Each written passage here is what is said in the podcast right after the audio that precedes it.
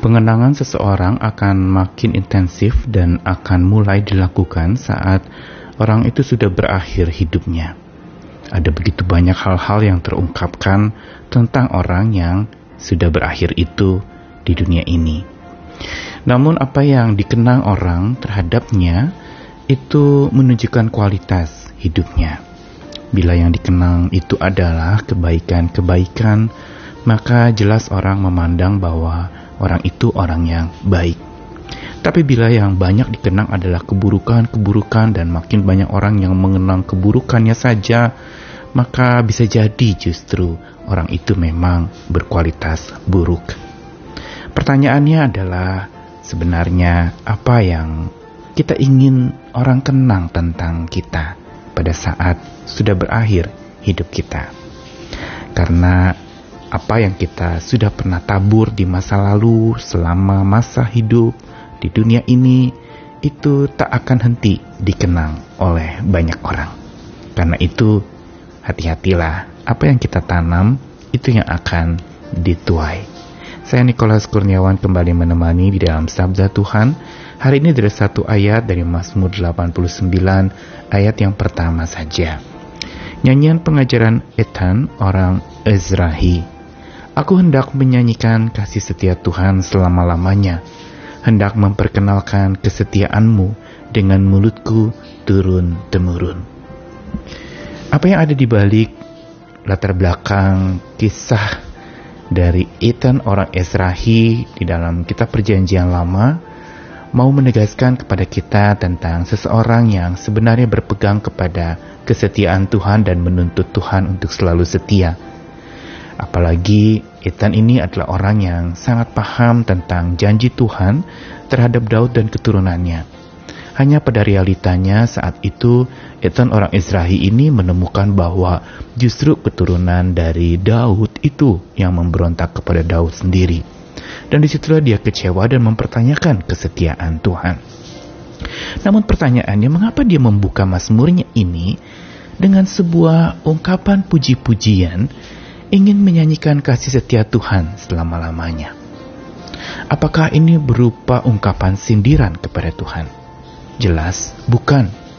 Yang dilakukan oleh Ethan orang Israel ini adalah justru dia ingin mengajarkan tentang kasih setia Tuhan yang sering kali memang dipandang oleh manusia itu dari satu sudut pandang yang jelas berbeda dengan bagaimana Tuhan memandang sebuah kesetiaan yang ia praktekkan kepada manusia.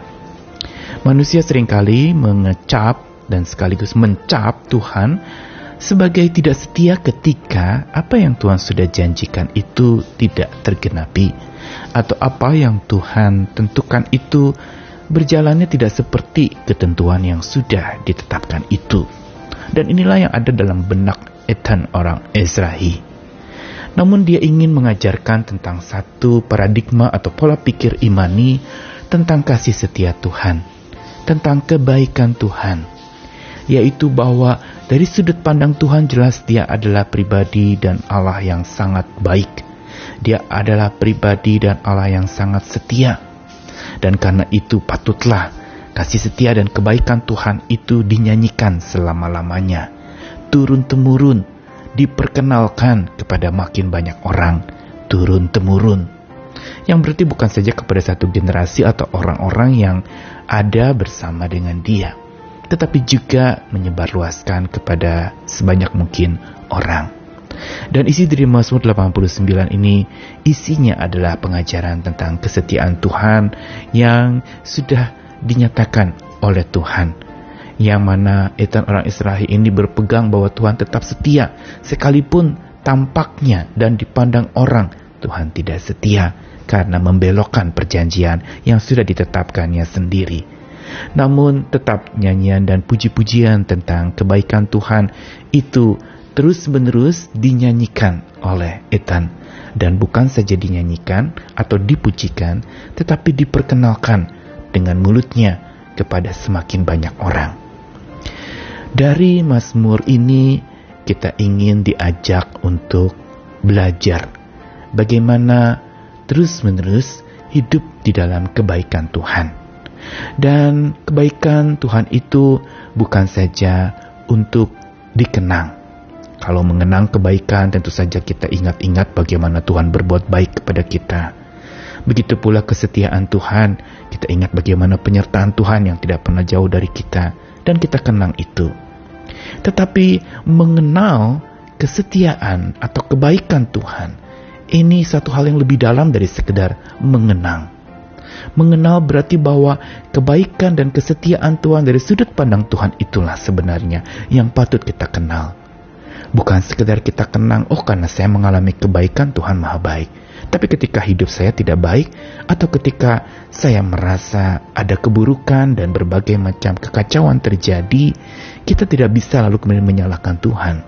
Tapi justru kita mengenal lebih dalam lagi tentang kebaikan Tuhan yang dari sudut pandang Tuhan dia tetap menunjukkan kebaikan bahkan dia bekerja untuk dan di dalam segala sesuatu untuk menyatakan kebaikannya. Bukankah itu yang dikatakan di dalam kitab suci? Bahwa Allah turut bekerja dalam segala sesuatu untuk mendatangkan kebaikan. Karena itu mengenal kebaikan Tuhan itu berarti memahami secara mendalam tindakan kebaikan Tuhan yang belum tentu sama dengan standar kebaikan manusia. Karena kebaikan Tuhan adalah sebuah kebaikan yang berdasarkan pengenalan Tuhan atas hidup kita. Dan pengenalan yang dalam inilah yang patut kita perkenalkan kepada banyak orang lewat hidup kita.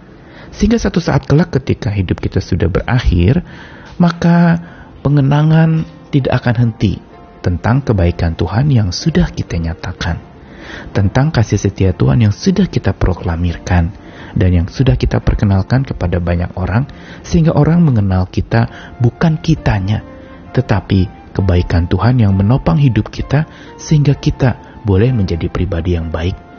Kita boleh melakukan kebaikan dan kita terus berbuat baik sekalipun keadaan sedang tidak baik itu orang Israel dari dalam Mazmur 89 ini ingin mengajarkan kepada kita untuk tidak henti mengenang mengenal secara mendalam dan memperkenalkan kebaikan Tuhan lewat hidup kita.